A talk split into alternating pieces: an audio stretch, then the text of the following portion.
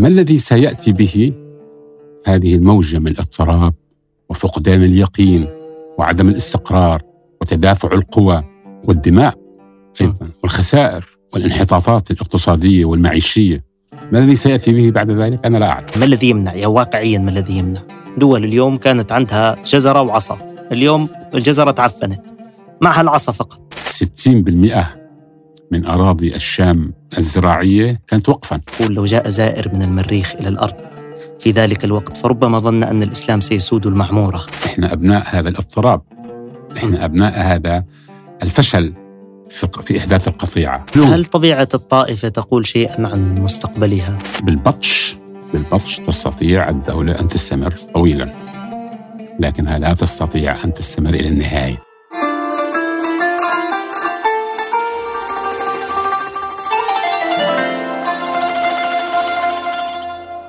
دكتور بشير نافع الكاتب والمؤرخ المعروف مرحبا بك في فاصلة من قطة. أهلا. دكتور بشير آه، دخلنا الآن عام 2022 هناك من يقول ستتحرر فلسطين هذا العام وهناك من يقول سنتمرمط ونذوق الويل لمئة عام أخرى. هذا التباين الفج في التوقعات يعكس حقيقة أساسية وهي أننا نعيش زمنا مضطربا يبدو فيه كل شيء ممكنا. عندك دراسة قديمة عنوانها لافت وكاشف Embracing History in Turbulent Times. أن نعود ونلجأ ونحتضن التاريخ في مثل هذه الأزمنة المضطربة. عملا بهذه النصيحة سنترك الحاضر قليلا. نعود ربما مئة سنة إلى الوراء وسنرى الدولة العثمانية في أواخر عهدها بعد الحرب العالمية الأولى اسما وهيكلا ولكن بلا روح وبلا أطراف. نعود قبل ذلك مئة سنة أخرى سنشهد دولة محمد علي والقوة العسكرية والصناعية تنمو. على أطراف الأطلسي والاستعمار يبدأ في كل مكان.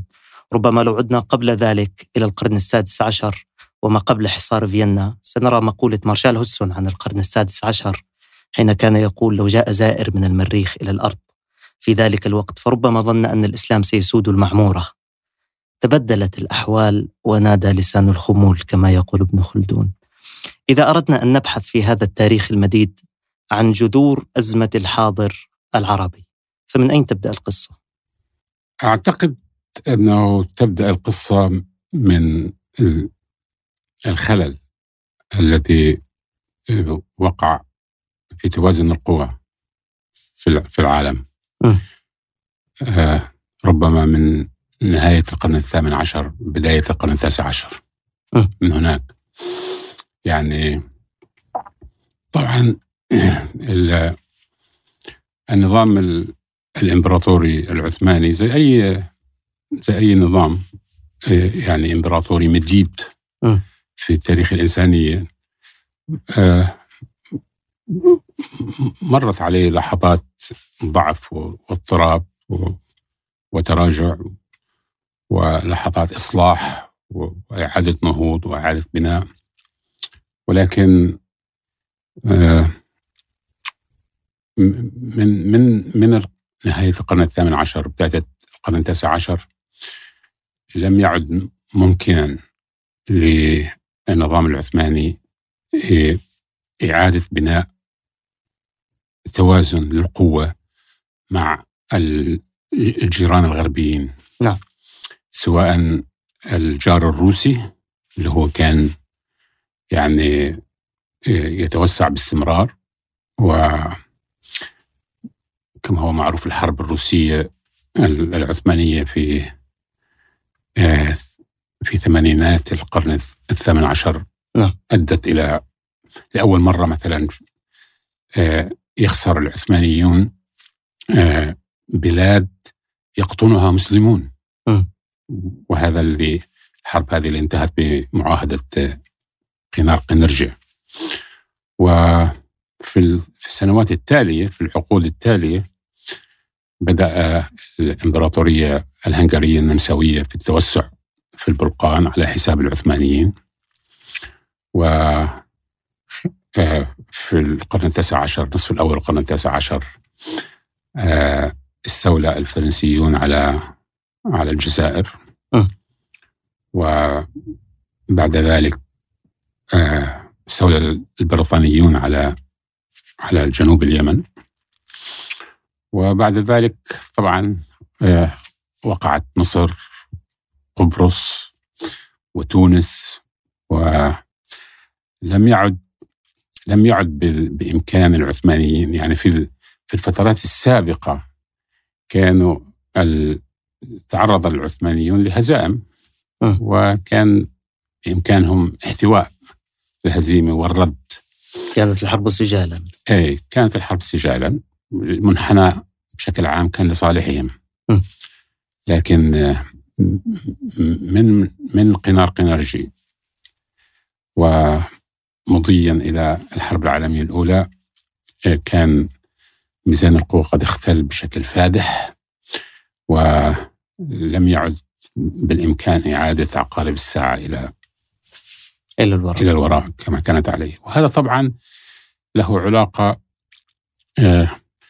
آه، آه، أنا لست من أنصار نظرية الانحطاط العثماني يعني أنا لا أعتقد إنه إنه كان في هناك انحطاط عثماني وإنما كان في صعود في القوة الغربية تجاوز القوة العثمانية ومقدرات العثمانية.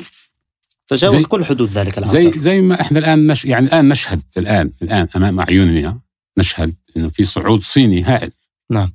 سواء يعني في بداية على المستوى الاقتصادي وربما خلال العقود التالية سنرى صعود صيني أيضا على مستوى السلاح عسكري والتقنية تقنية السلاح. ولكن هذا لا يعني أنه في انحطاط أمريكي. م. في مقدرات تم تنميتها بشكل هائل ومتسارع آه، في الصين.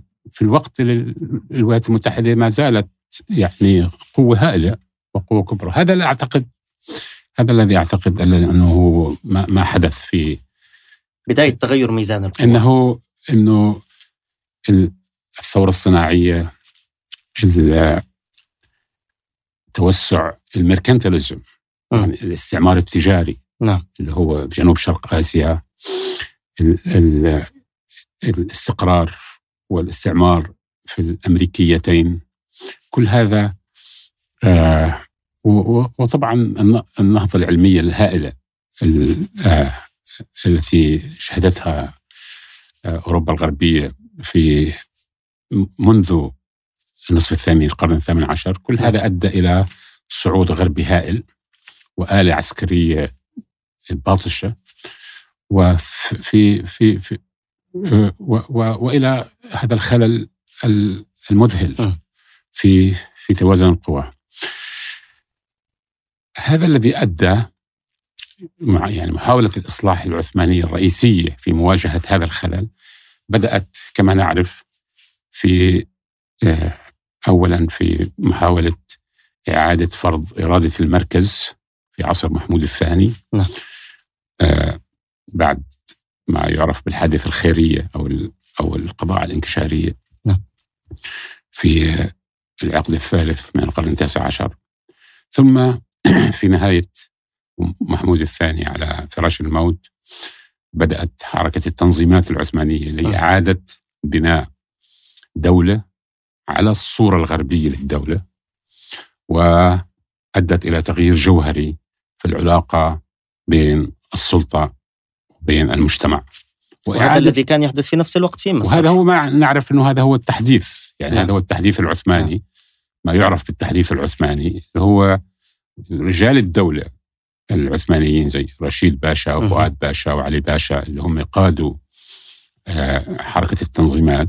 هم آه، أرادوا آه، يعني ليس كما يعني شاع في بعض الأدبيات العربية والإسلامية إن هم يعني كانوا مفتونين بالغرب وكانوا يعني يسعوا إلى إلى تغريب المجتمع العثماني. وهم في الحقيقة هم أرادوا أرادوا إعطاء الدولة دماء جديدة نعم. وأن يمكنوا الدولة من الصمود أمام هذا التحدي. كان في شعور داخلي بالحاجة إلى هذا شعور داخلي و و و ومنذ بداية عملية المركزة في في في عصر محمود الثاني وصولا إلى إلى السلطان عبد الحميد. كان هذه هذه الجهود كان الهدف الرئيس منها هو آه، محاولة إعادة بناء الدولة وإعطاء الدولة سلطات ومصادر قوة تستطيع بها الوقوف أمام التحديات الخارجية. ولكن هذا هذه العملية هي عملية التحديث العثماني والمركز العثمانية هي في الحقيقة كانت تمت على أساس الصورة الغربية للدولة. نعم. وهذا طبعا استمر منذ آه، تقدر من 1840 1839 آه، مع الحرب العالمية الأولى مع نهاية الحرب العالمية الأولى كانت بنية الدولة ومفهوم الدولة قد تغير بصورة جوهرية وغير مسبوقة في في تاريخنا وعلاقة الدولة بالمجتمع قد تغيرت ومؤسسات المجتمع التقليدية التاريخية قد أضعفت إلى درجة كبيرة. شبكات العلماء وأوقافه والمجتمع المحلي والقضاء. الدولة, الدولة سيطرت على التعليم. على الزراعة على التجارة أصبح في هناك وزارة التعليم تضع مناهج المناهج أصبحت مركزية.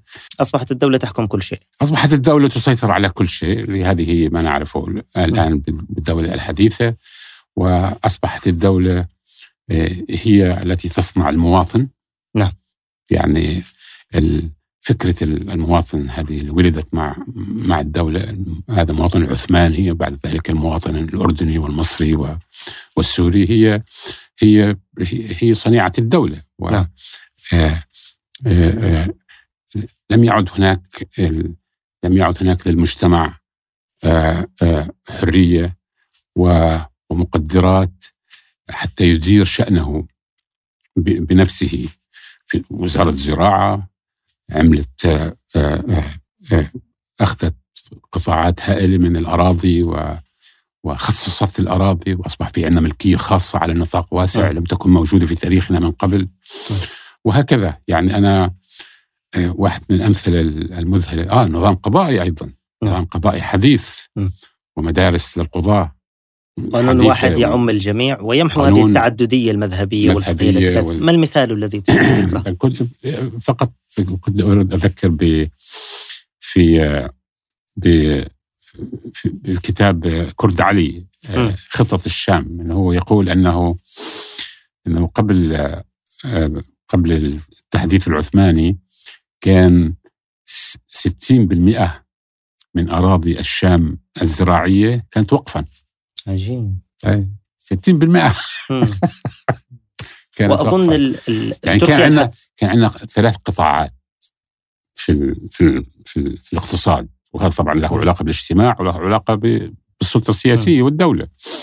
آه، كان في عندنا القطاع الخاص وكان عندنا القطاع العام كان في عندنا القطاع الوقفي. نعم. شاهد هذا تحول في الآخر إلى إلى قطاع عام بالغ القوة مضخم. نعم وإلى قطاع خاص في يد نخبة معينة. أظن الحالة كانت أيضا مشابهة في تركيا عندما تم تاميم الأوقاف كانت آه، الأوقاف تساوي آه، ضعف أصول الدولة نفسها. لا أنا بحكي أنا بحكي عن كل يعني مثال هي الشام كانت جزء من.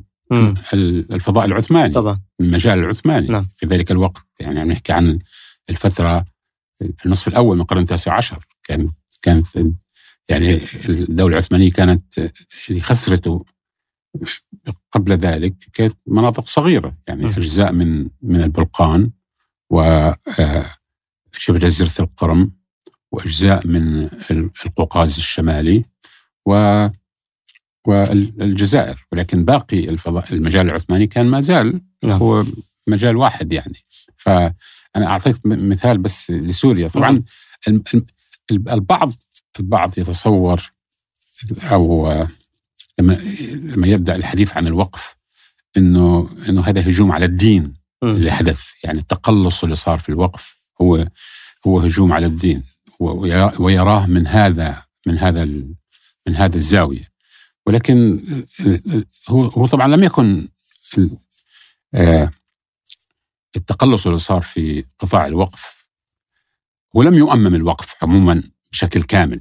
لم يحدث هذا ولكن المساله كانت تدريجية ومديدة نعم إنه يعني لكن التقلص في القطاع الوقفي له علاقة بالتغيير الذي وقع في بنية المجتمع نعم. وفي علاقة المجتمع بالسلطة السياسية علاقة المجتمع بالدولة م. إنه لأنه الوقف هذا كان مصدر رئيسي لنظام تعليمي مستقل م. لنظام صحي مستقل لنظام خيري مستقل يعني لرعايه الفقراء وال والمرضى والمشردين والغرباء فجزء من البنية التاريخية التي أعطت المجتمع إدارة ذاتية و وعلاقة علاقة ليست ثقيلة الوطأة مع السلطة السياسية وال وال والأداة العسكرية للسلطة السياسية. فهذا التغيير اللي بدأ اللي هو وقع في التعليم وفي القضاء وفي التقنين وفي القطاع الوقفي وفي في النظام الملكية والزراعة في التجارة والتجارة الخارجية في في تدفق إنتاجات إنتاج الصناعي الجديد نعم. اللي هو كان إنتاج انتنسف وهائل وبالتالي أثر على المدخرات في يعني آه بدأت البضائع تأتي بكميات هائلة وبأسعار رخيصة وهذا هذا أدى إلى القضاء على الحرف أو يعني إضعاف منظومة الحرف والإنتاج الداخلي طبقات تجارية برجوازية إيه موضوع متعدد الجوانب. نعم لكن إيه. لكن هو أنت ما تقوله هو إنه ظهرت هذه الدولة الحديثة بدأت بحركة تحديث داخلية ثم جاء الاستعمار وصارت هذه الحركة التحديث أيضا مفروضة. من الخارج لفتح أسواق أسواق جديدة. النظام الاستعماري في الحقيقة آه يعني إذا أنت تعرف كتاب وترجم العربية في كتاب الأمريكي هذا Colonising Egypt نعم. استعمار مصر التي استعمار مصر. هو هو إيش جوهر هذا الكتاب؟ هو الضجة اللي عملها لما ترجم العربية في خاصة في الأوساط المصرية. هو قال إنه لما جاء الاستعمار البريطاني ما تغير شيء جوهري. يعني السياق التحديثي كان ماشي قبل ذلك. شايف؟ الاستعمار اجى وفرض سلطة وغير بعض المنظومات والقوانين خاصة في في حالة مصر بالذات في استمرارية في منظومة الدولة يعني ما عمل تغيير جوهري في منظومة الدولة الاستعمار الإنجليزي. عمل بعض التغيير في العلاقة بين بين العلاقة الاقتصادية والتجارية بين مصر وبين نعم. بين بين بريطانيا آه آه تملك القرار الاستراتيجي لمصر و, و لكن السياق التحديثي كان كان ماشي ببعض البطء والعقبات منذ محمد علي و كما كان في نعم. في المجال العثماني طيب دكتور بشير أنت حين تقرأ الثورات العربية في هذا السياق التاريخي تقول أن هناك إشكال بنيوي يتعلق بطبيعة هذه الدولة الحديثة التي نشأت في هذه المنطقة. حصل نوع من القطيعة التاريخية كما نقول عن النظام الذي كان معمولا به لأكثر من 12 13 قرن. وما معه الشريعة لم تكن مجرد أحكام. يمكن م. أن نضعها في القانون. كانت مجموعة من الممارسات الاجتماعية ولها مؤسسات اجتماعية إلى آخره. هذا حصل معه قطع. أضيف إلى ذلك أنه أيضا هذه الدولة الحديثة لم تقم على أسس صحيحة. بمعنى أنها كانت دولة تجزئة كما تقول وأنها كانت دولة أقلية فحكمتها نخبة. يعني آه، لا, تمثل امتداد طبيعي ليس لها قاعدة اجتماعية قد تكون أوليغارشية نخبة تحالف رأس مال ونخبة سياسية أو نخبة طائفية أو غير ذلك. وأيضا وهذا الذي يتعلق بطبيعة نشأة الدولة العربية خاصة ما نسميه دولة ما بعد الاستقلال أنها لم تستند إلى أساس من الشرعية الذي يمكن الإجماع عليه. هناك انقسام عميق في الدولة هل يعني ذلك أن هذه الجهود للتحديث أو بمعنى آخر أن هذا السعي نحو إنتاج هذه الدولة العربية كان من البداية مفخخا بهذه الإشكالات هل كان يمكن ان أن ننجح في هذا المشروع؟ نحن اليوم ننظر إلى أمم العالم حسمت خياراتها السياسية بما فيها شعوب مسلمة من الأتراك للإيرانيين للماليزيين للباكستانيين. المنطقة العربية هذا الاستثناء الغريب العجيب الذي لم ينجز منظومته السياسية المستقرة. لماذا اين أين تكمن المشكلة؟ أوكي هذا يعني سؤال بالغ التعقيد. ولكن خلينا نحاول آه، نفكك السؤال. يلا. نفكك السؤال عنصر عنصر. تدريجيا. ما استطعنا إلى ذلك سبيلا. اولا المسألة الأساسية إنه فكرة إنه التحديث صنع قطيعة نهائية مع السياق التقليدي والموروث التاريخي هذا أنا لست من أنصار هذا. م. يعني آه، مشكله القلق داخل المجتمعات العربية والاسلاميه بما في ذلك يعني مجتمعات الفضاء العثماني وريث المجال العثماني هي آه، تنبع من إنه التحديثيين المسلمين وقوى الاستعمار الغربي اللي سيطرت في بعض المناطق في مناطق لم تسيطر لم تستطع أن تصنع قطيعة كاملة ومطلقة. و ولهذا السبب هذا النقاش موجود نعم. الآن. إنه إنه إحنا إحنا أبناء هذا إحنا أبناء هذا الاضطراب. إحنا أبناء هذا الفشل في, في إحداث القطيعة. وإلا لأصبحنا آه، مثلنا مثل المجتمع الروم رومانيا وبلغاريا وبولندا آه، آه، اللي هي يعني تعرضت للتحديث في الموجة الثانية. نعم. مثلنا. نعم. زي زي مش مثل مجتمعات ال... فهناك حدث هناك سيطرة التحديد وحصل قطيعة مطلقة مع لكن التقليد. هناك مقاومة طبيعية من المجتمع. لكن في هذا في هذه المنطقة من العالم م. مشروع إحداث القطيعة لم ينجح. نعم. قطيعة. ولكن طب لماذا يعني؟ ولكنه لأنه لقوة البنى لقوة البنى التقليدية وبنى عمرها قرون. نعم. يعني أضعفت مثلا طبقة العلماء ولكنها لم تختفي. أخرج الإسلام أو أضعف دور الإسلام في المجال العام م. ولكن لم ي... لم يتم دفنه لم يستطيعوا دفنه نعم وما زال شريك في الجدل نعم. في داخل المجال العام نعم. وأصلا سؤال الحركة الإسلامية هو حيتعلق بهذا م. إنه ما هو دور الإسلام في المجال العام م. وهي كل هذا ال 80 90 سنة الماضية الصراع بين الإسلام السياسي وبين الأنظمة أنظمة ما بعد الاستعمار آه، المباشر في العالم العربي. لا علاقة بهذا بهذه الإشكالية إشكالية آه، دور الإسلام في المجال العام. فهذا خلينا ننسى هذا الموضوع. يعني ما هذا؟ آه، مش ننساه لكن أنا أكون أكثر تواضعا في الحديث عن عن عن القطيعة. نعم. ويكون يعني أكثر نسبية وحدث متغير جوهري اللي إحنا حكينا عنه من قبل قبل شوي يعني فيما يتعلق بالاجتماع يتعلق بالسياسة علاقة السلطة بالمجتمع علاقة هذه المجتمعات بالخارج وأنماط التجارة وبعد ذلك قدوم. يعني هذا كله حدث هذه هذه هذه متغيرات كبيرة كبيرة وجوهرية م. لكن لم هذه المتغيرات لم تستطع أن تنجز القطيعة م. خلي مثلا آه إحنا الآن في في إسطنبول م. مثلا. وهذا هذا أحد الأمثلة يعني لأنه هو أوضح من آه، من الحديث عن آه، لأنه الأنظمة العربية والدول العربية هي آه، هي شيء مشوه نعم. عن الوراثة عن المواريث العثمانية. إلى درجة كبيرة. يعني هي هي ورثت السلطة السياسية آه، للعثمانيين ولكنها ورثت بشكل بشكل مشوه درجة كبيرة. لكن لكن حدث في تركيا يعني إحنا نعرف مثلا إنه مصطفى كمال قاد عملية تغريب هائله و وسواء كان يقصد أو لم يقصد ف... ف...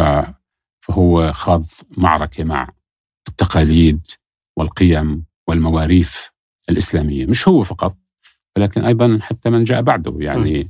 يعني آه عصمة إننو أيضا. يعني يعني حتى سنة خمسين لما بدأت الديمقراطية التركية وجاء عدنان مندليس إلى السلطة كان في الدولة كانت كانت في حالة حرب حقيقية مع مجتمعها نعم. آه وأخذت إجراءات كبيرة. يعني صعب من القوانين والزي يعني مثلا إنه تصور أنت إنه أمة من الأمم آه، تصحو في يوم واحد تجد إنه لغتها تكتب بطريقة غير ما كانت تكتب م. بالأمس وإنه هي لا تستطيع أن تقرأ مواريثها يعني هذا هذا شيء هذا شيء هائل. ولكن في الوقت نفسه عندما تنظر إلى بنية الدولة التركية هذه التي قاد بنية الدولة الجمهورية. تجد أنه في الحقيقة مصطفى كمال لم يغير تغيير جوهري في الدولة التي ورثها يعني بمعنى؟ يعني يعني مثلا في النظام الإداري يعني م. يعني إلقاء المقاميه هذه اللي أنت تعرفها في وهذا نظام عثماني. ونظام الولايات هذا هو نظام عثماني. وكل ما في الأمر انه أصبحت الولاية مساحتها أصغر م. مما كانت. يعني اللي اللي كانت تعتبر سناجق العثماني أصبحت نعم. ولايات نعم. يعني وهكذا على يعني آه بنية الحكم. البرلمان كان كان وجد منذ عصر عبد الحميد. يعني أول برلمان صحيح. وأول دستور كان آه، آه، يعني ولد في 1876 وهكذا. ففكره الوزير والوزارة هذه موجودة في النظام الإسلامي منذ العصر. كأنه ما في قطاع من عصر السلاجقة. نعم. شايف حتى نعم. لما لما غير أردوغان النظام الرئاسي قيل إنه ألغى رئاسة الوزراء اللي هي موجودة لها ألف سنة. في النظام في النظام الذي حكم يعني بغض النظر. آه، ف آه، بس هو هو ألغى مشيخة الإسلام. ولكن الورث مشيخة الإسلام الشؤون الدينية ظلت مؤسسة بالغة القوة. يعني ميزانية الشؤون الدينية في تركيا آه، تقل قليلا عن ميزانية الميزانية العسكرية. عجيب. أي و, و يعني آه والشؤون الدينية ما زالت آه يعني آه مؤسسة بالغة القوة. صحيح أنه تحت إشراف الرئيس أو رئيس الوزراء من قبل لكن ما زالت مؤسسة بالغة القوة. في علاقتها يعني أقصد أنه اللي اللي حدث آه كان في منعطفات حدثت ولكن آه، هذه المعطفات مهما بلغت من تأثير وما مهما صنعت من متغيرات لم تستطع أن تقيم قطيعة قطيعة كاملة. الآن الدول العربية مسألة أخرى. يعني المجال العثماني اللي ورثه عدة دول. ورثته الجمهورية التركية ورثته الجمهورية السورية المملكة العراقية وبعدين صارت جمهورية إمارة شرق الأردن بعدين صارت مملكة. أول شيء ورثوه الفرنسيين والبريطانيين بعدين أي ما هو يعني الفرنسيين والبريطانيين الفرنسيين والبريطانيين هم صنعوا هذه الدول. نعم. يعني يعني المشكلة الأولى بدأت في أنه آه في, في تقسيم هذه إلى وحدات. بدون منطق يعني لماذا هذا هذا العراق بهذه الحدود أصبح دولة عراق بهذا بهذا الشكل، لماذا اصبحت؟ يعني ما هو المبرر انه سوريا أصبحت دولة ولبنان أصبح دولة، فلسطين أصبحت كيان انتدابي، شرق الأردن أصبح دولة. الحجاز كان مفروض إنه يكون دولة، بعدين جاء عبد العزيز آل سعود ووحد الجزيرة وصنع المملكة. يعني هذه هذه الأمر هذه الوحدات لم يكن هناك منطق تاريخي لولادتها إنما فرضت بإرادة الاستعمار الأجنبي وولدت وفي داخلها آه، عوامل آه، عدم استقرار آه، هائلة.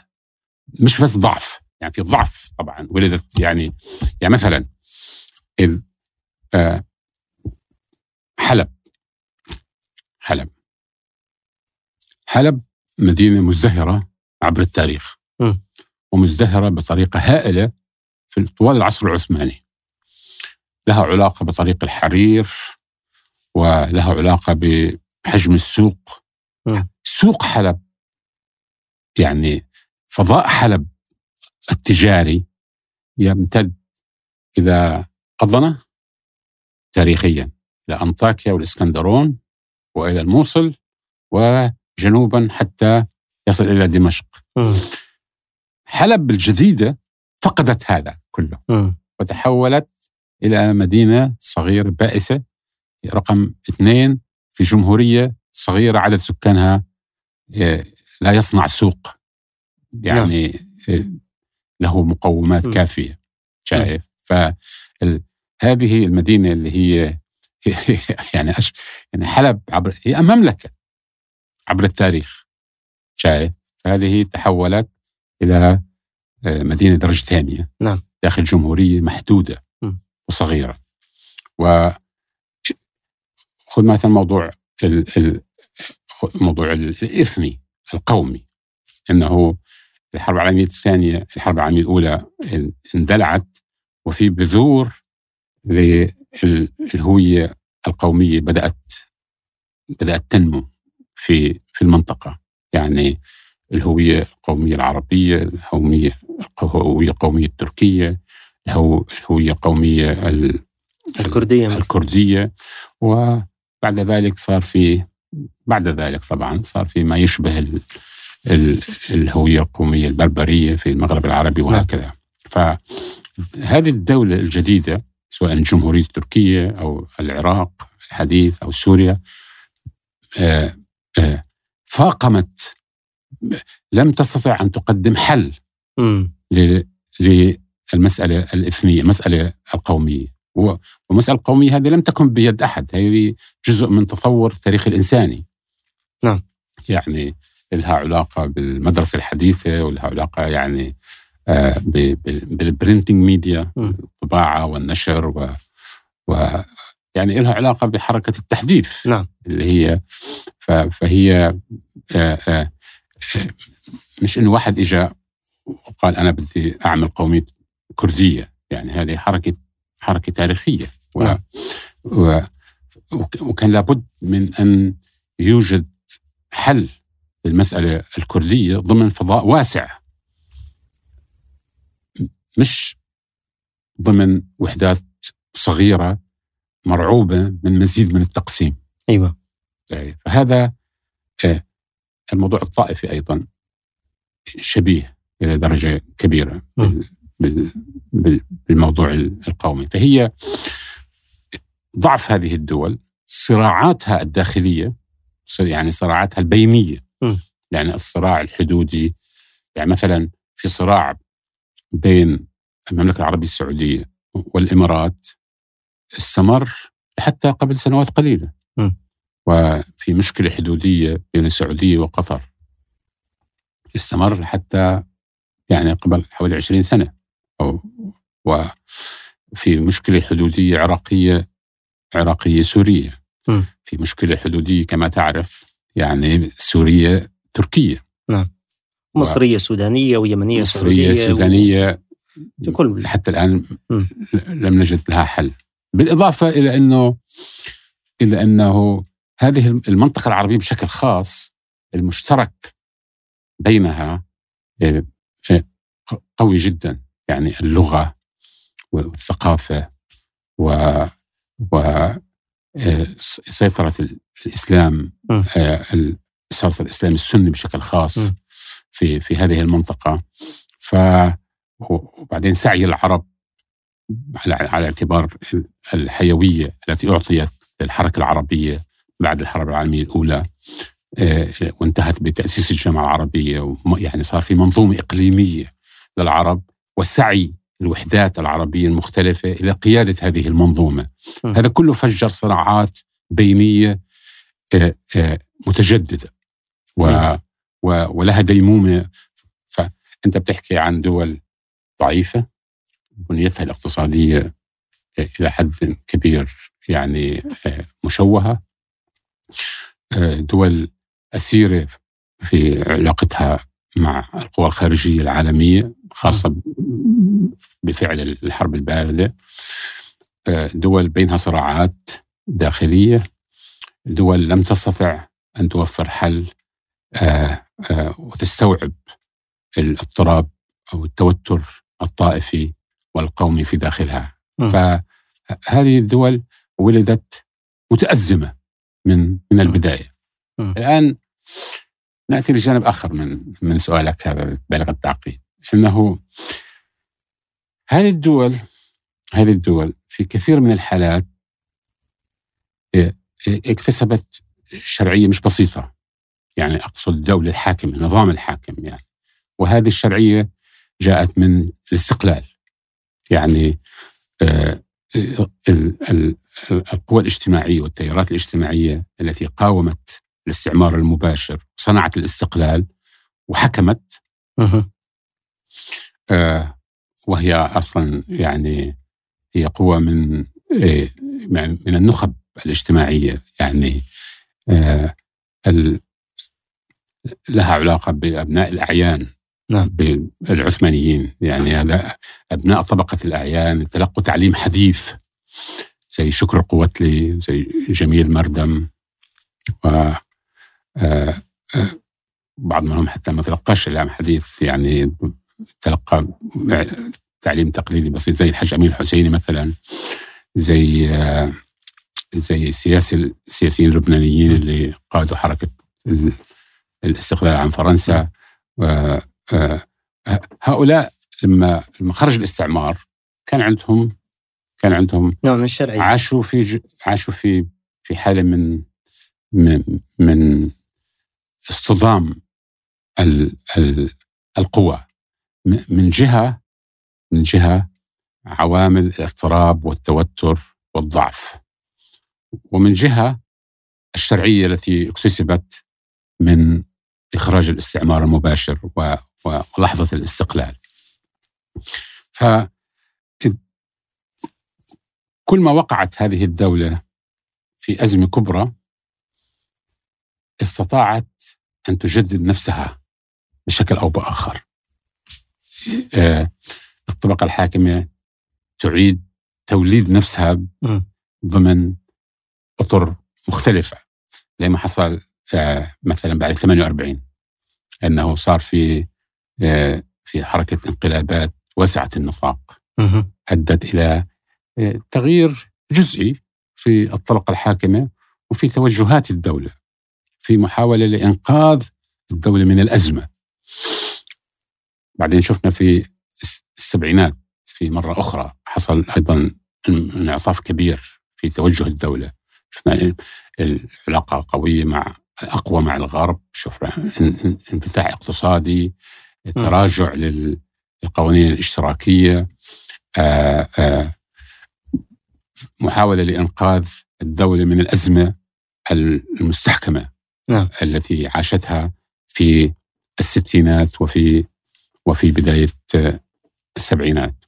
أنا أعتقد إنه مع 2011 بدأت حركة ليش ليه أنا أعتقد إنه يعني لماذا 2011 مهم؟ 2011 مهم هو طبعا حصل يعني السودان عاش ثورات من قبل نعم. يعني سقط عبود بثورة م. سقط النميري بثورة ثورات شعبية يعني آه, آه، في, في, في, في تغييرات حصلت بقوة شعبية أحيانا آه الجزائر في في سنة آه، في عصر الشاذلي الجديد أصلا نعم. التعددية في الجزائر جاءت بفعل حركة شعبية هائلة. وقعت في في قلبت بعدين لحمام دم في نهاية الثمانينات بعدين طبعا صار انقلاب على على الانتخابات وعلى نعم. الديمقراطية وعاشت الجزائر ما يسمى بالعشريه الدمويه. لا أقصد إنه ليش 2011 مهم؟ إنه في 2011 ظاهره الحراك الشعبي كانت واسعة النطاق. م. يعني شملت معظم الفضاء العربي معظم المجال العربي مش مش منطقة صغيرة. شو وأنا أعتقد إنه إنه إنها مش بس شملت المجال العربي هي هي سبقت في إيران وسبقت في تركيا، في تركيا صارت بشكل سلمي. لما جاءت العدالة والتنمية للحكم صار في حركة 2002 في 2002 بعدين لكن في 2009 صار في إيران حركة تظاهر كبيرة وهائلة. بغض النظر عن عن الحكم عن على على العدالة والتنمية وعلى إنجازات العدالة والتنمية أو إخفاقاته فالعدالة والتنمية صنع متغيرات هائلة في بس بشكل سلمي في في تركيا.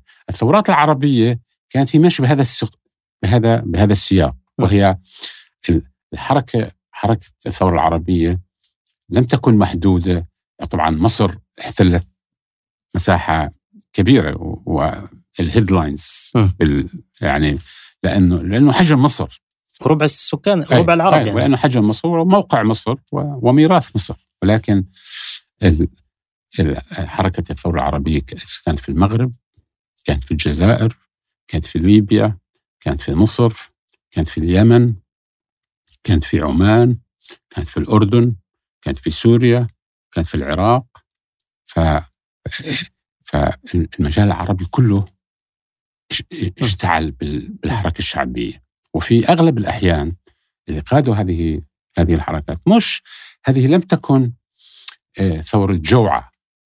يعني مش الطبقات العاملة هي التي قادت هذا الحراك الشعبي الهائل. يطلق عليه أحيانا طبعا هذا اللفظ الخادع يعني إنه الربيع العربي يعني مصطلح الربيع العربي. اللي هو يعني مصطلح تيمنا بالاوروبي مصطلح غربي رومانتيكي يعني. آه، ولكن هذه هذه هذه حركة شعبية هائلة. هذه هي ثورة شعبيه شعبية بالفعل. يعني آه، وتعبر عن أزمة بنيوية واحدة. أيوه. ليش أنا بقول 2011 مهم؟ لأن يعني في 2011 لم تعد الدولة العربية دولة ما بعد الاستقلال دولة ما بعد الاستعمار المباشر لم تعد قادرة على إعادة توليد نفسها م. على تجديد نفسها على كل كل ما كل ما خسرت جزء كبير من شرعيتها في السابق كانت تعمل تنقلب على نفسها م. وتأسس شرعية جديدة نعم و, و وتعطي انطباع بأنه هي ما زال فيها حيوية وهي قادرة على الإجابة على الأسئلة الكبرى م. للمجتمع في 2011 هذه العملية يعني بالإنجليزي أنا بنسميها انتينبل صار يعني وصلت إلى نهاية الطريق طب. والدليل على ذلك م. قبل ما يعني تقاطعني الدليل على أنه صحيح انه هو صار في ثورة مضادة نعم. وصار في يعني انقلابات على حركة الثورة وأوقفت عملية التحول الديمقراطي تقريبا في كل المنطقة العربية، صح هذا الكلام صحيح. ولكن ما جاء بعد ذلك أسوأ. أسوأ بكثير مما كان قبل ذلك. م. فهو مش اللي إجا مش اللي إجا النظام الناصري مقارنة بالنظام الملكي. لا. عنده ايديولوجيا بديلة عنده وعد أيوه. آه. مش إنه يعني الانقلاب في مصر والان محاولة الانقلاب في تونس اللي هي يعني يعني محاولة الانقلاب في تونس هي هي صورة كاريكاتيريه للثورة المضادة. يعني واحد معتوه آه، مهووس بذاته وبقناعاته آه، قاعد بحاول يسيطر على على منفردا م. على. هذا يعني حتى بن علي لم يفعل هذا. م. برقيبة لم يفعل هذا على الإطلاق. شايف؟ فهو وال... أحد الأصدقاء قبل يومين بيحكي لي بيحكي معي حول إنه إلى أي درجة إنه نظام حكم السيسي في مصر آه، اشتغل في تدمير مؤسسات الدولة نفسها في داخل مصر الدولة اللي هو ارتكز إليها. هي جاءت به إلى السلطة. يعني 2013 الانقلاب اللي حصل إن الدولة المصرية انقلبت على رئيسها المنتخب. نعم. هذا اللي حصل. الدولة ككل مش انقلاب عسكري. الآن هذا الرجل اللي هو جاء به هذا الانقلاب هو اشتغل بما في ذلك المؤسسة العسكرية اللي هو ينتمي إليها اللي هي عماد وجود الجمهورية المصرية. فهو اللي حدث اللي حدث بفعل الثورات المضادة لم يكن تجديدا. م.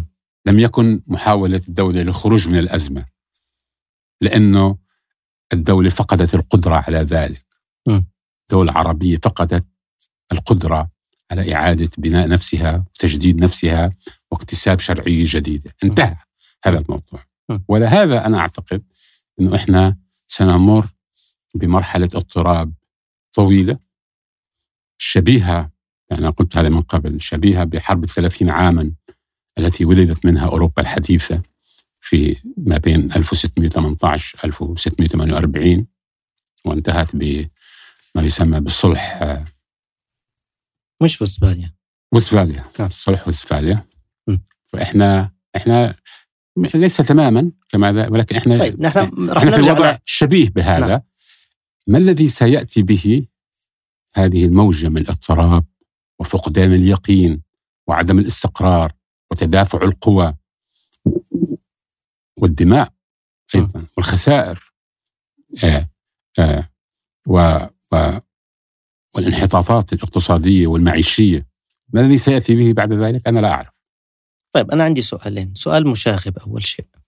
يعني آه، دعني أتقمص قول من يقول إنه هناك كلمات مثل أن نقول إنه انتهت صلاحية هذه الفكرة أو لم تعد الدولة قادرة على على تجديد شرعيتها. آه، قد يقول القائل هذه الدول التي عادت بصورة لا تقدم وعد فقد تقدم فقط هذا البطش والعنف العاري للناس.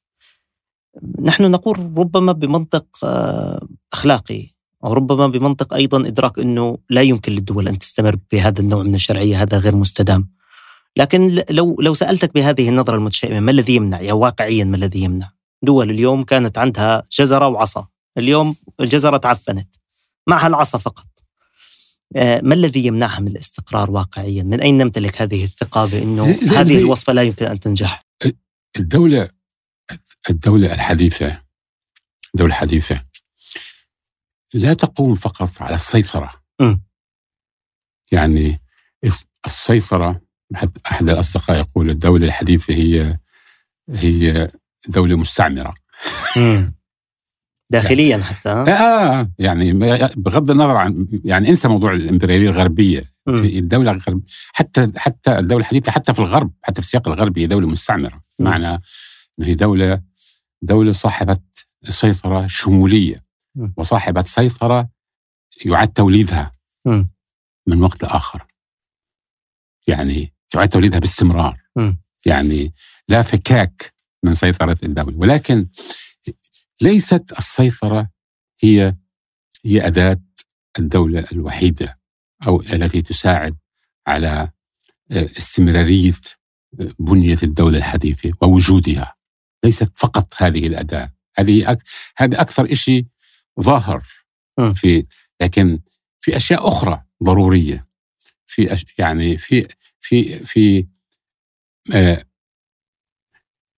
في الإشباع ما يسمى بالإشباع يعني يعني الحاجات الاقتصادية والمادية للمجتمع. لازم الدولة آه، حتى إذا لم تستطع أن توفر لازم إنها تظهر إنه هي عم تبذل جهد حقيقي ل ل للإجابة على على هذا السؤال، سؤال المعاش. نعم. طيب في ال ال في الشرعية اللي لها علاقة آه، بال بما يسمى بال soft side of legitimacy يعني إنه إنه في في معتقدات في داخل المجتمع في إيمان بالمصالح تصور للمصالح. هل الدولة هل الدولة تتماهى أو أو قريبه من التماهي مع رؤية البشر هؤلاء لأنفسهم ولتاريخهم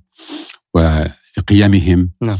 وإلى أي درجة تبدو انه هي حريصة على مصالح هذا البلد اللي هي تحكمه ففي عدة جوانب يعني متداخلة م. لها علاقة ب إذا إذا الدولة ما استطاعت ما استطاعت انه هي تستجيب لهذه الأسئلة في المجتمع فهي لا تستطيع الاستمرار. حتى لو كان عندها اداه أمنية يعني باطشة. باطشة. وبعدين في نهاية الأمر في نهاية الأمر أي مؤسسة يعني الدولة هي مؤسسة اجتماعية. أي مؤسسة آه، إلى أي درجة تستطيع إنها تستمر في القبض م. على على على شعبها.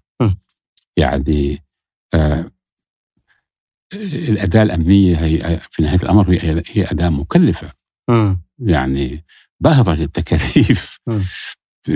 من ناحية من ناحية ميزانية من ناحية من ناحية مادية من ناحية نفسية من م. ناحية علاقات الأسر ببعضها البعض علاقات البشر ببعضهم البعض ففي بالبطش بالبطش تستطيع الدولة أن تستمر طويلا لكنها لا تستطيع أن تستمر إلى النهاية طيب ممتاز أي. كم طويلا أنا لا أعرف أنا مم. قلت لك أنا أنا لا أعرف يعني ليس لدي إجابة ولا أعتقد أنه في هناك أحد لديه إجابة مم. زي ما أنه لم يكن هناك أحد يعني الحراك الشعبي العربي بدأ منذ بداية الألفية يعني آه، بيان دمشق و. آه، آه، آه، كفاية في مصر وتظاهرات وإجبار حسني مبارك على تعديل الدستوري في 2005 مم. و صارت موجة كان في حراك- في مصر لكن لا و- ما أحد كان يتوقع مم. أن المنطقة العربية حتصل إلى ما وصلت إليه في 2011 ما. أحد كان يتوقع. هذا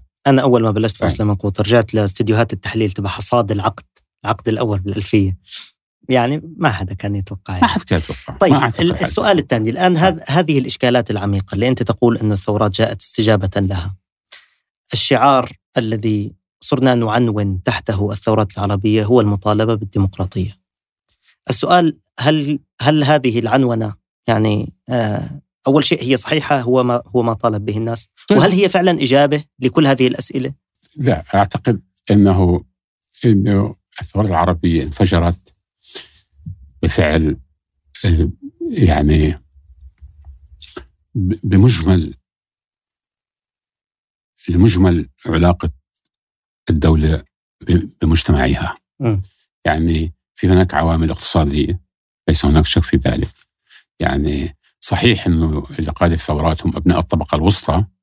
ولكن آه، أبناء الطبقة الوسطى اللي هم هم هم الترمومتر الرئيسي للمجتمعات الحديثة في العالم آه، كانوا عارفين إنه في الفارق بين الطبقات المختلفة قاعد يتسع في. المنطقة العربية بفعل سياسات نظام الليبرالية. الاقت- الانفتاح الاقتصادي بعدين في مشكلة أخرى أصبحت ظاهرة في العشر سنوات اللي سبقت ال- الثورة العربية الثورات العربية وهو إنه لأول مرة الطبقة الحاكمة أصبحت تسعى إلى امتلاك السلطة والثروة مم. مع بعضها البعض مم. وهذا ما كانش يعني عبد الناصر ما كانش مهتم بانه هو والمجموعة اللي معه يكون في يعني الثروة الاقتصادية. المصرية تكون بيدهم آه، وحتى حتى حافظ الأسد ما كانش مهتم.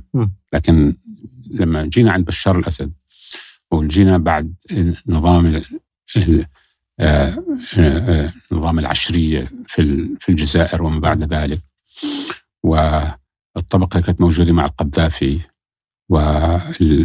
والحكام اللي جاءوا بعد الاحتلال الأمريكي في. في, العراق أصبح الآن لأول مرة في تاريخنا نجد يعني لم هذا لم يكن يعني موجود لا في العصر العثماني ولا في العصر مم. السلجوقي ولا في العصر البويهي. كانش موجود هذا هذا شيء جديد.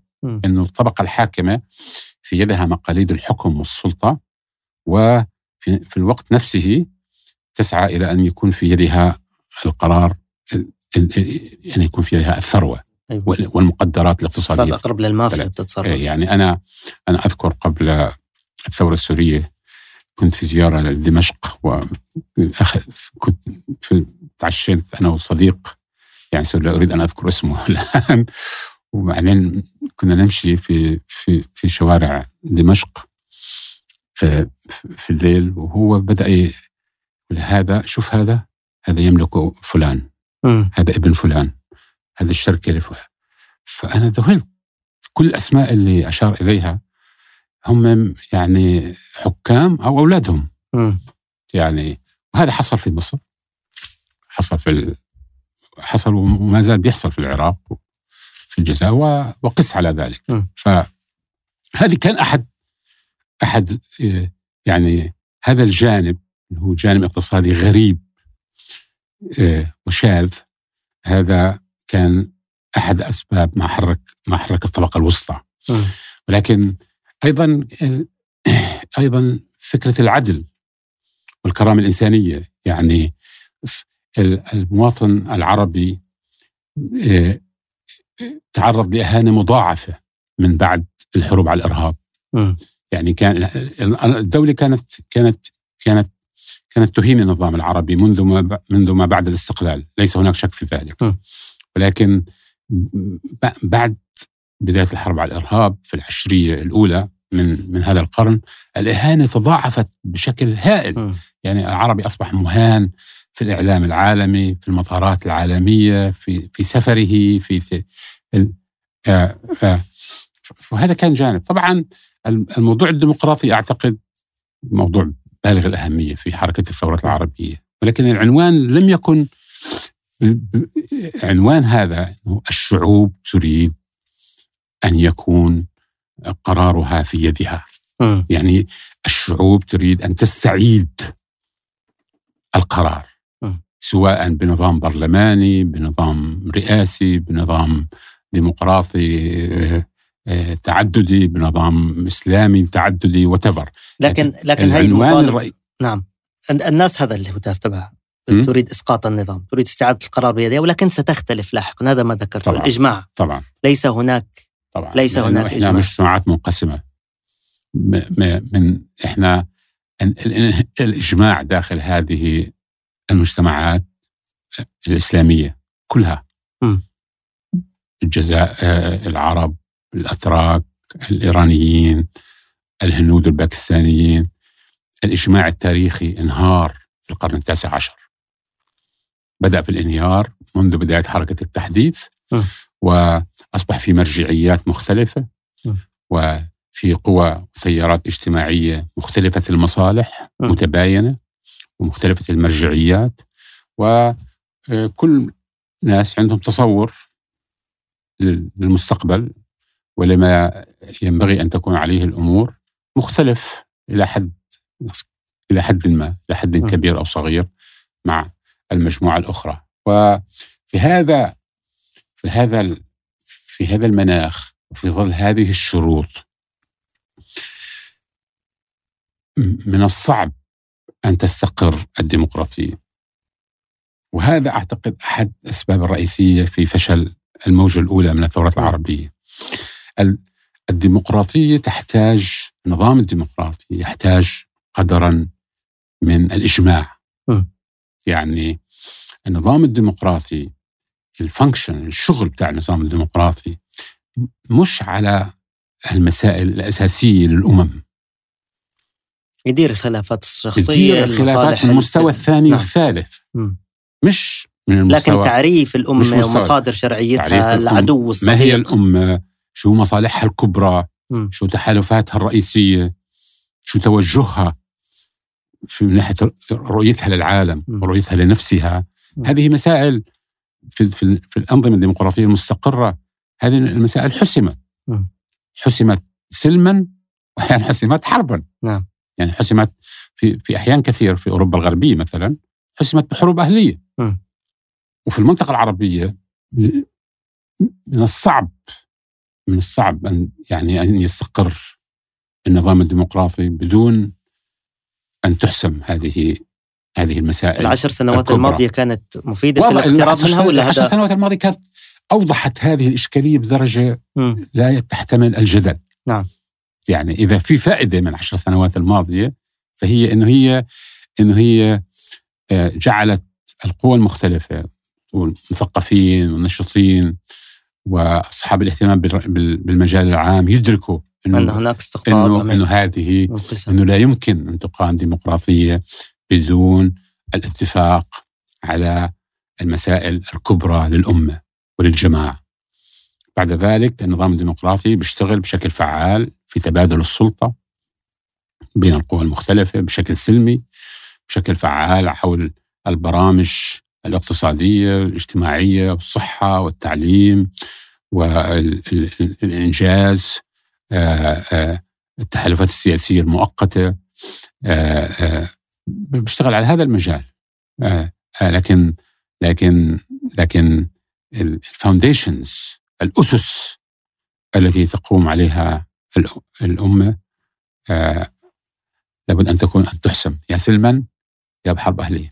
يا ساتر. طيب دكتور بشير لننتقل إلى انقسام إضافي شهدته المنطقة العربية، يعني إذا كان شعار الثورات أو الاصطفاف الأساسي في الثورات هو قوة تغيير في مقابل قوة استبداد، لاحقا اكتشفنا أن قوى الاستبداد هذه تعمل يعني بتحالفات أيضا خارجية صرنا نشوف تحالفاتها مع مع إسرائيل وطبعا الدور الخارجي كان محرك اكتشفنا أهمية التجزئة كفاعل بنيوي في في المنطقة. لكن هناك عامل كبير إضافي ظهر وهو إيران والامتداداتها الطائفية في المنطقة بدا هذا وكأنه في لحظة ما حرف للصراع باتجاه اتجاه صراع في في داخل المنطقة بدل أن يكون أمام آه، أمام قوى متعادية. آه، أنت اليوم تعمل على كتاب يتحدث عن تشكل أهل السنة تاريخيا. مرة أخرى نحاول نستفيد من التاريخ في فهم طبيعة هذا الصراع، في طبيعة تشكيل هذا السواد الأعظم من المسلمين الذي اليوم أصبح وكأنه طائفة من هذه الطوائف. آه كيف يمكن أن أن تقرأ هذا الصراع ومآلاته وموقعه في في في السياق التاريخي وموقعه في المستقبل؟ هو طبعا آه، يعني شوف أول شيء الكيانات الكبيرة ذات الثقل التاريخي في المنطقة زي إيران زي تركيا زي مصر مثلا. لا يمكن أن تقرأ آه، يقرأ توجهها سياستها الخارجية وتوجهها كدولة. وتعريف تعريفها لنفسها. لا يمكن أن تقرأ من بعد واحد. هذه دول مركبة وتاريخها معقد وكيانات ضخمة وموروثها كبير. يعني مثلا مصر يمكن أن تقرأ كدولة إيه، مصرية وطنية. بعض الناس بيسموها فرعونية أحيانا وهذا طبعا كلام فارغ. إيه، يعني إيه، يعني إنه هي إنه هي عندها رؤية مضخمة لذاتها كمصر ويمكن أن تقرأ سياستها وتوجهاتها باعتبارها دولة عربية ذات انتماء يعني ذات هوية عربية وثيقة الصلة بمحيطها العربي. ولعبت دور مش بسيط في فترة من الفترات في قيادة هذا المحيط أو في توجيه هذا المحيط أو محاولة قيادة هذا المحيط. ويمكن أن تقرأ أيضا مصر كدولة آه كدولة إسلامية وبالذات كدولة إسلامية ذات وجه سني. تركيا نفس الأمر. ممكن أن تقرأ كدولة قومية تركية وهي يعني آه، لأنه الفكرة القومية التركية وولادة الجمهورية يجوا مع بعض. صحيح. يعني الجمهورية صنعت يعني زي ما الجمهورية الفرنسية صنعت الأم الفرنسية. فالجمهورية التركية صنعت الأمة التركية بالمعنى القومي يعني. ويمكن أن تقرأ تركيا كدولة إسلامية سنية. ويمكن أن تقرأ كدولة ذات آه، طبيعة متداخلة يعني كجزء من أوروبا وجزء من الشرق. لأنه وهذا قديم. يعني الطبقات الحاكمة في الدولة العثمانية أغلبها جاءت من أصول أوروبية. يعني الجزء المدني في النظام الانكشاري هو هذول يعني كوبرولو مثلا الأسرة اللي قدمت في القرن السابع عشر عدة رؤساء آه، عدة صدور صدور العظام عظام. هم بالحقيقة من أصول من أصول أوروبية وهكذا فكان الدولة العثمانية كانت موجودة في قلب أوروبا. فهذا مش شيء جديد هذا ال... يعني هذا إيران نفس الأمر. إيران آه، إيران في توجهها في قومية إيرانية اللي هي القومية الإيرانية طبعا هي ولدت بالذات في عصر آه، آه، رضا شاه الكبير نعم. الأب. في محاولة لإضعاف الهويات القومية الداخلية.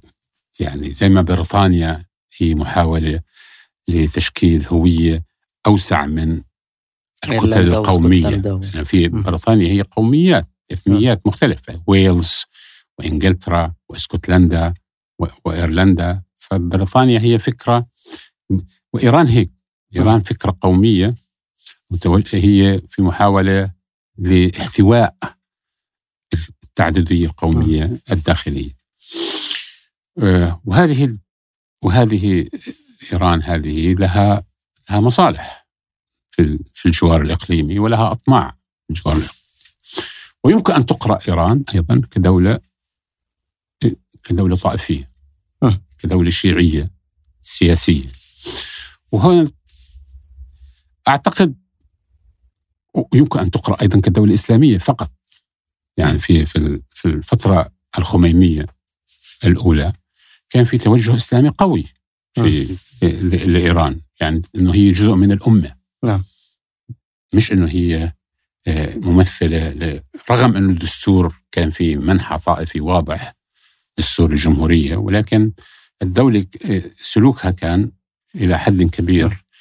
يعني يستوحي انتمائها الإسلامي نعم. في في العالم لكن شوي شوي هذا هذا هذا هذا الجهة تراجعت هذا الوجه للدولة تراجع وتقدم عليه الأبعاد الأخرى اللي نعم. كانت كامنة أو كانت شوي ثانوية اللي هو البعد القومي نعم. والبعد الطائفي فمشكلة إيران الآن في الإقليم هي تنبع من من هذين البعدين نعم. للدولة الإيرانية طبعا آه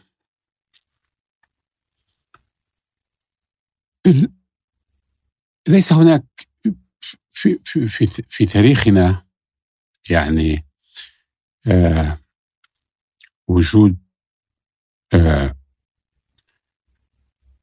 التعددية هذه إنه كان في وجود خوارج ووجود آه خوارج عدة أصناف طبعا نعم. والشيعة عدة توجه وليس شيعة يعني في الشيعة في إسماعيلية وفي نزارية وسبعية وفي عشرية الإسماعيلية نفسهم ثلاث أربع فرق والاثنى عشرية مدرستين ثلاثة داخلهم و وحتى الزيدية أصلا اكتشفوا بعد ما الحوثيين جاءوا إنه كمان الزيدية مش م. موحدة ف... وجود هذه التعددية داخل المجتمع المسلم داخل جماعة المسلمين لم تكن مشكلة عبر التاريخ. المشكلة عبر التاريخ كانت لما واحد يخرج يحمل سلاح. هون تصير مشكلة. بغض النظر شو هو. يعني شو إيمانه. يعني آه، سني شيعي إسماعيلي لما لما حمل السلاح بصير في مشكلة في داخل المجتمع بصير في فتنة باختصار يعني يعني الصراعات مثلا في الأندلس في المغرب العربي في الفترة بعد خروج انهيار الخوارج وخروج الفاطميين من المغرب العربي كانت م. كلها بين السنة م. إيه كانت يعني حمل السلاح كان آه، لأطماع هون كان يصير مشكلة لكن وجود مجرد وجود شيعة أو أو أو زيود أو 22 لم يكن هذا لم يكن هناك يعني مبرر و... وجاء أبو الحسن الأشعري كتب مقالات الإسلاميين كلهم نعم. إسلاميين. يعني أبو الحسن الأشعري هنا كتب مقالات الإسلاميين إنه كلهم آه هؤلاء يعني قصد بذلك أنه كل هؤلاء نعم. كل هؤلاء أهل لا إله إلا الله. آه إنهم يسجل كلامهم انهم كلهم إسلاميين. لكن المشكلة مشكلة سياسية بالأساس. أيوه. نعم. المشكلة إنه إنه بدأت تولد بولادة موضوع الهوية. م. اللي هي وهذه هذه بدأت في القرن التاسع عشر في, في منطقتنا في بلادنا في أوروبا الغربية قبل ذلك. وتعبيرات الهوية في بعض الأحيان كان تعبير قومي. في بعض الأحيان كان تعبير طائفي. فتحويل الهوية الشيعية إلى سلطة سياسية وإلى مشروع سياسي هو اللي عامل المشكلة. هو اللي عامل المشكلة في المنطقة مشكلة إيران في المنطقة حول إيران إلى مشكلة. ولكن إنه في شيعة في إيران في شيعة في العراق شيعة في لبنان شيعة في الجزيرة العربية هذه مش مشكلة. تاريخيا عمرش كان هذا مشكلة. ممكن موجودين. يعني يعني هذه المنطقة اللي هي الإحساء ونجد فيها فيها جماعة شيعية جزء من أهلها شيعة منذ قرون. نعم. صح؟ في في النصف الثاني من القرن الثامن عشر ولد في هذه المنطقة آه، المشروع السعودي الوهابي. وتوسع وسيطر على نجد وعلى جوار نجد. معظم جوار نجد بشكل مبكر. و والتصور العقدي الوهابي لديه يعني مشكلة كبيرة مع التصور الشيعي.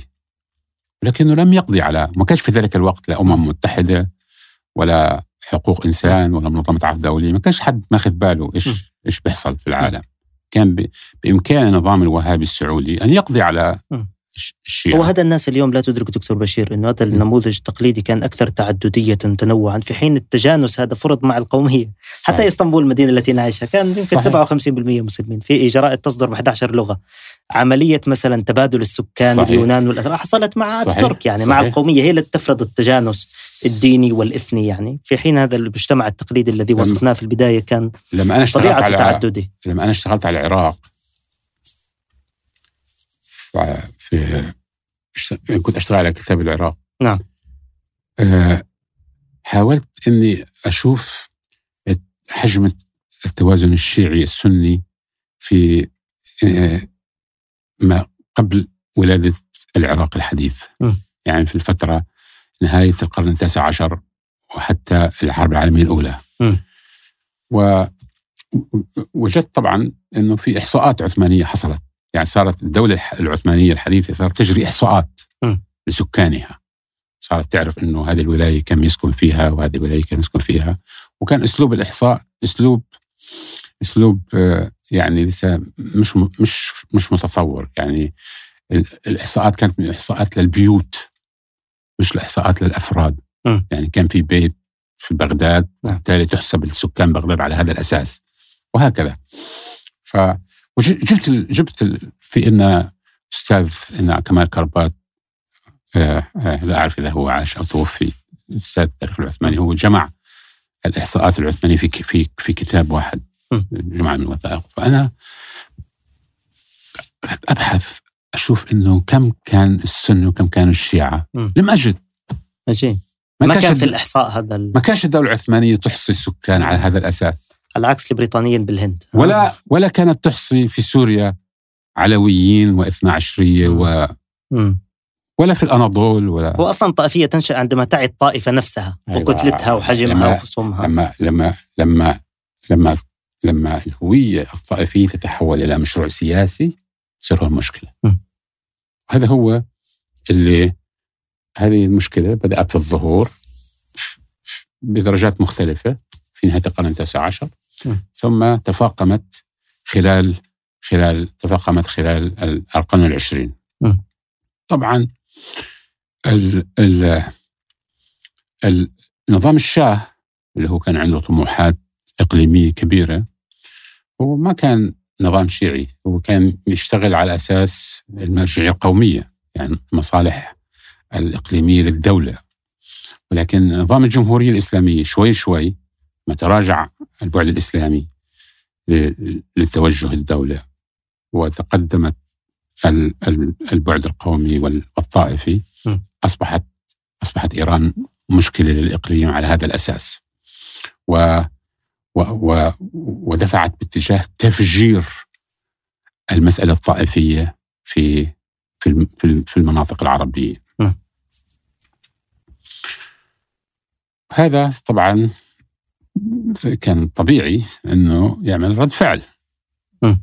رد فعل آه اولا والمشكلة هذه هي جاءت من من من تصور خاطئ لدى القوى الطائفية الشيعية للتسنن وتصور خاطئ لدى بعض أهل السنة لما هم أهل السنة.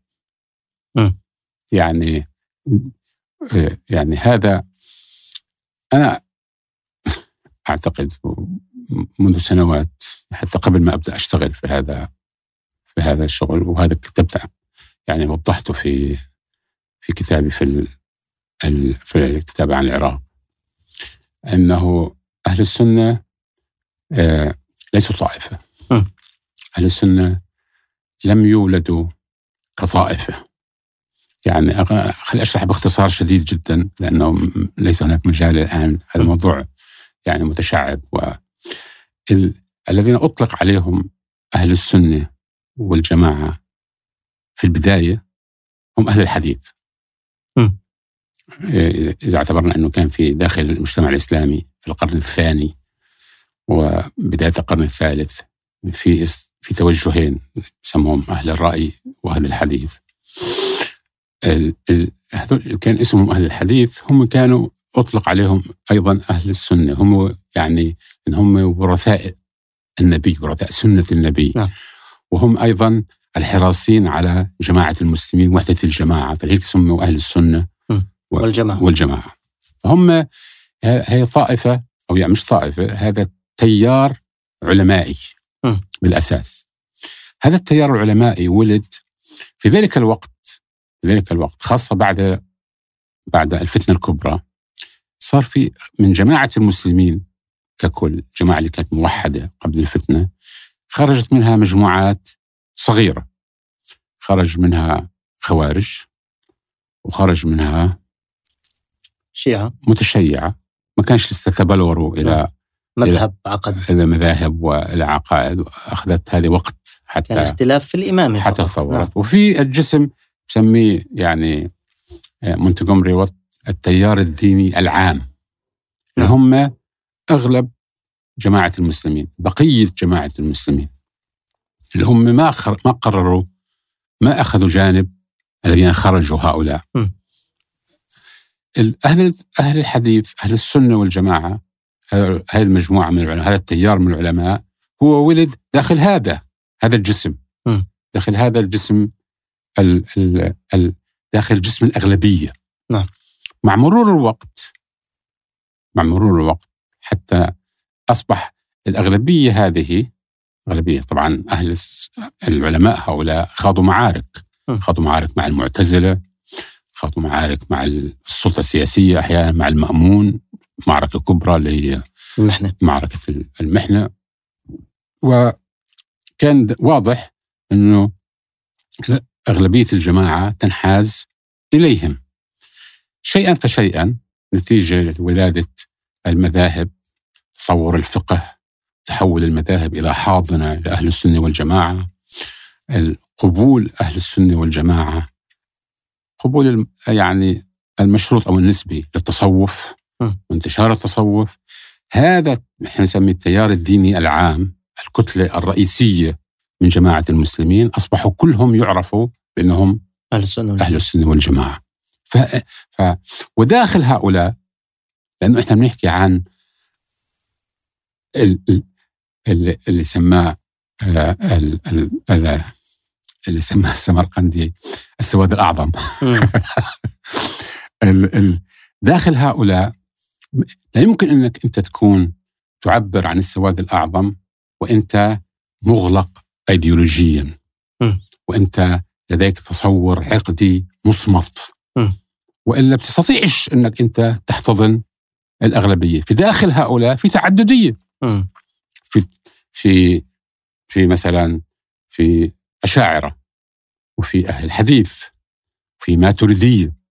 على مستوى الكلام علم الكلام والعقائد. في مذاهب فقهية متعددة. في رؤية لتاريخ الجماعة.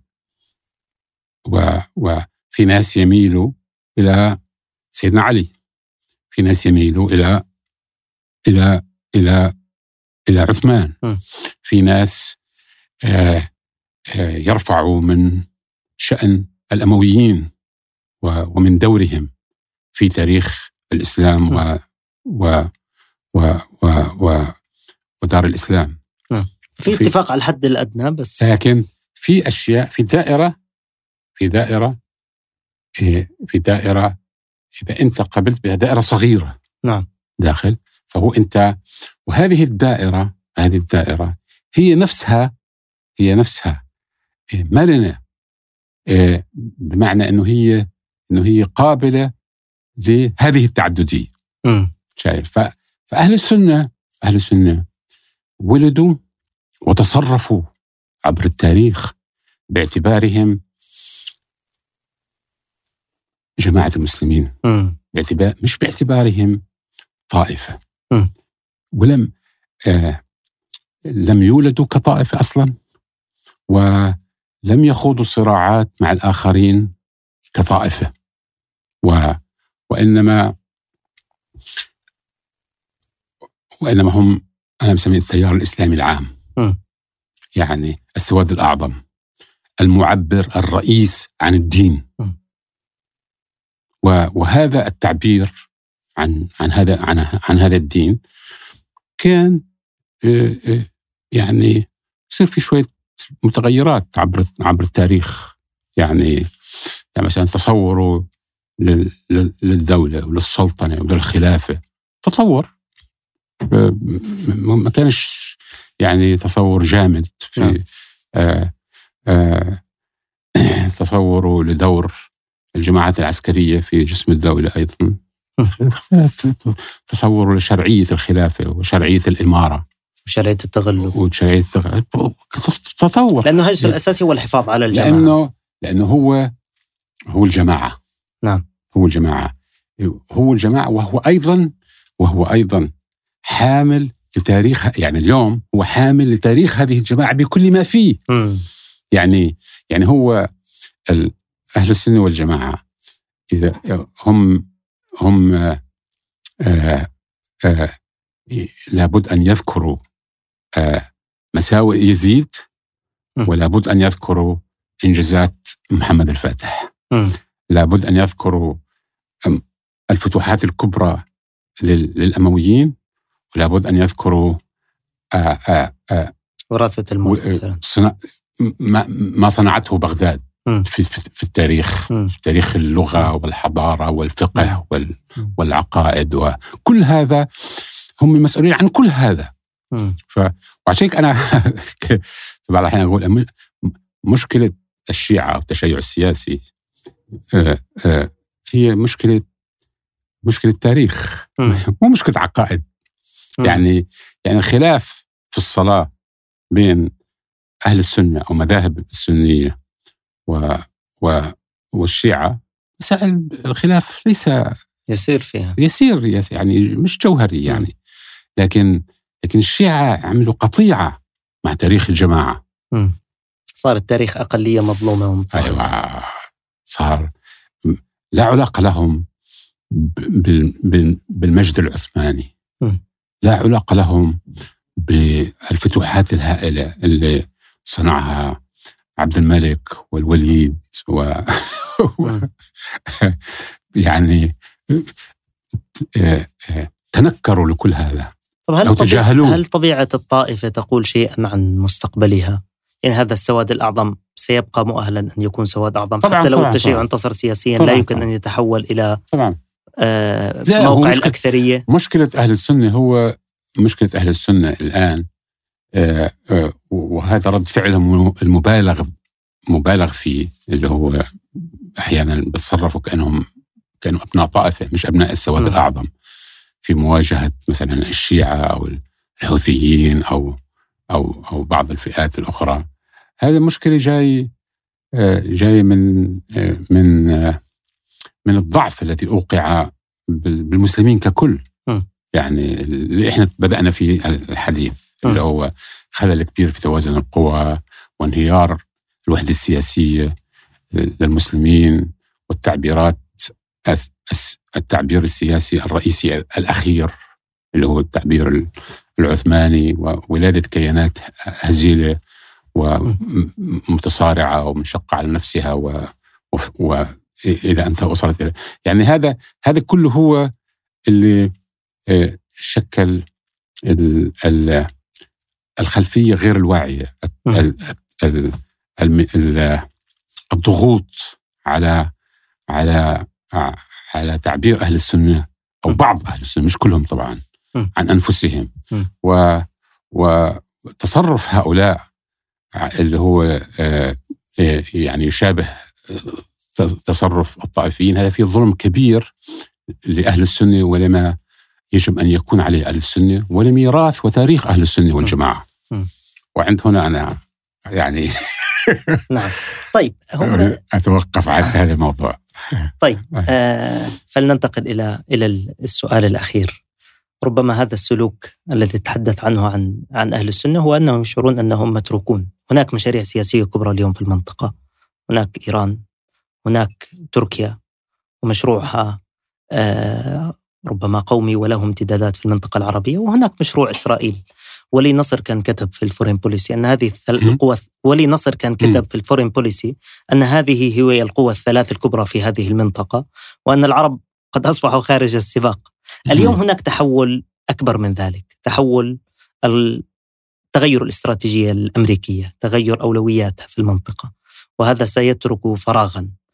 بدأت هذه القوى في إعادة موضوعاتها وتحالفاتها لملء هذا الفراغ، ويبدو أن هناك صورة تقول تحالفوا أيها العرب مع الإسرائيليين، عدوكم الداخلي هو الإسلام السياسي، عدوكم الخارجي هو تركيا وإيران. لا يبدو أن هذا التحالف مستقر ولا يبدو أن كما يسمونه الفيل في الغرفة هو يعني الشعوب هذه التي هضمت حقوقها وأهينت ولم تعطى شيئا حتى الآن. آه يمكن آه يمكن أن تترك مثل هذا المشروع الذي يعني سيحاول أن يتقاسم هذه الكعكة دون أن يمنح الناس بالاساس شيئا. آه ما الذي يعني هذا التغير الاستراتيجي الكبير، هذا الفراغ الاستراتيجي الذي سيبقى في المنطقة الآن؟ هذا هذا معناه أنه أنه للمرة الأولى آه، منذ الهيمنة الإمبريالية أنه أصبح في هناك هامش لأبناء المنطقة م. أنهم يصنعوا مستقبلهم بأيديهم. يعني يعني الجانب الآخر هذه الصورة بالغة البؤس والمظلمه حول يعني عودة الاستبداد و والدكتاتورية وعودة مجموعة معتوهين للسلطة وتبديد الثروات والانقسام. آه، هذه الصورة في مواجهتها في الجانب الآخر منها صورة أخرى أنه هو في حيوية في داخل هذه الشعوب. كبيرة جدا لم نعرفها منذ قرون ربما. آه، آه، التعليم وسائل الاتصال معرفة العالم معرفة الذات. هذه وصلت إلى مستويات لم تكن تكن متوفرة من حوالي 20 25 سنة فقط ما كانش متوفر بهذه الطريقة هذا كله. فهذا عم يعطي حيوية كبيرة لهذه الشعوب. والانسحاب النسبي للقوى الكبرى اللي هي في في عصر الاستعمار كانت تقاسمت هذه المنطقة. وفي الحرب الباردة تقاسمت هذه المنطقة بشكل بشكل غير مباشر. منذ نهاية الحرب الباردة إحنا نجد إنه في مد وجزر في علاقة القوى الكبرى بهذه المنطقة. يعني في انسحاب سوفيتي بعدين في عودة روسية محدودة. في انسحاب أمريكي بعدين في عودة أمريكية. بعدين في انسحاب أمريكي بعدين في عودة أمريكية. بعدين الآن في انسحاب. في, في نهاية الأمر لم تعد لم يعد دور الدول الكبرى في التأثير على هذه المنطقة وإدارة شؤون هذه المنطقة. كما كانت عليه في فترة الاستعمار المباشر وفي فترة الحرب الباردة. وهذا حيعطي هامش لقوى المنطقة المحلية سواء يعني آه، سواء على مستوى دول زي ما هو يعني متاح لإيران ومتاح ل لتركيا أو على مستوى قوى سياسية إنه هي إنه هي تجد تجد وسيلة لصناعة توافق وتجد وسيلة لبناء يعني حوار عقلاني ينظر إلى المصالح المختلفة ويحاول أن أن أن يفصل يحاول أن أن يعين مناطق الخلاف وكيف احتوائها وتجاوزها اعتقد أنا متفائل إلى درجة كبيرة يعني حول المستقبل. رغم إدراكي آه، لوطأة وثقل هذه هذه الحقبة يعني هذه الفترة التي نعيشها. شكرا جزيلا دكتور بشير على هذا اللقاء استمتعنا واستفدنا. أحسنت بارك الله فيك. شكرا.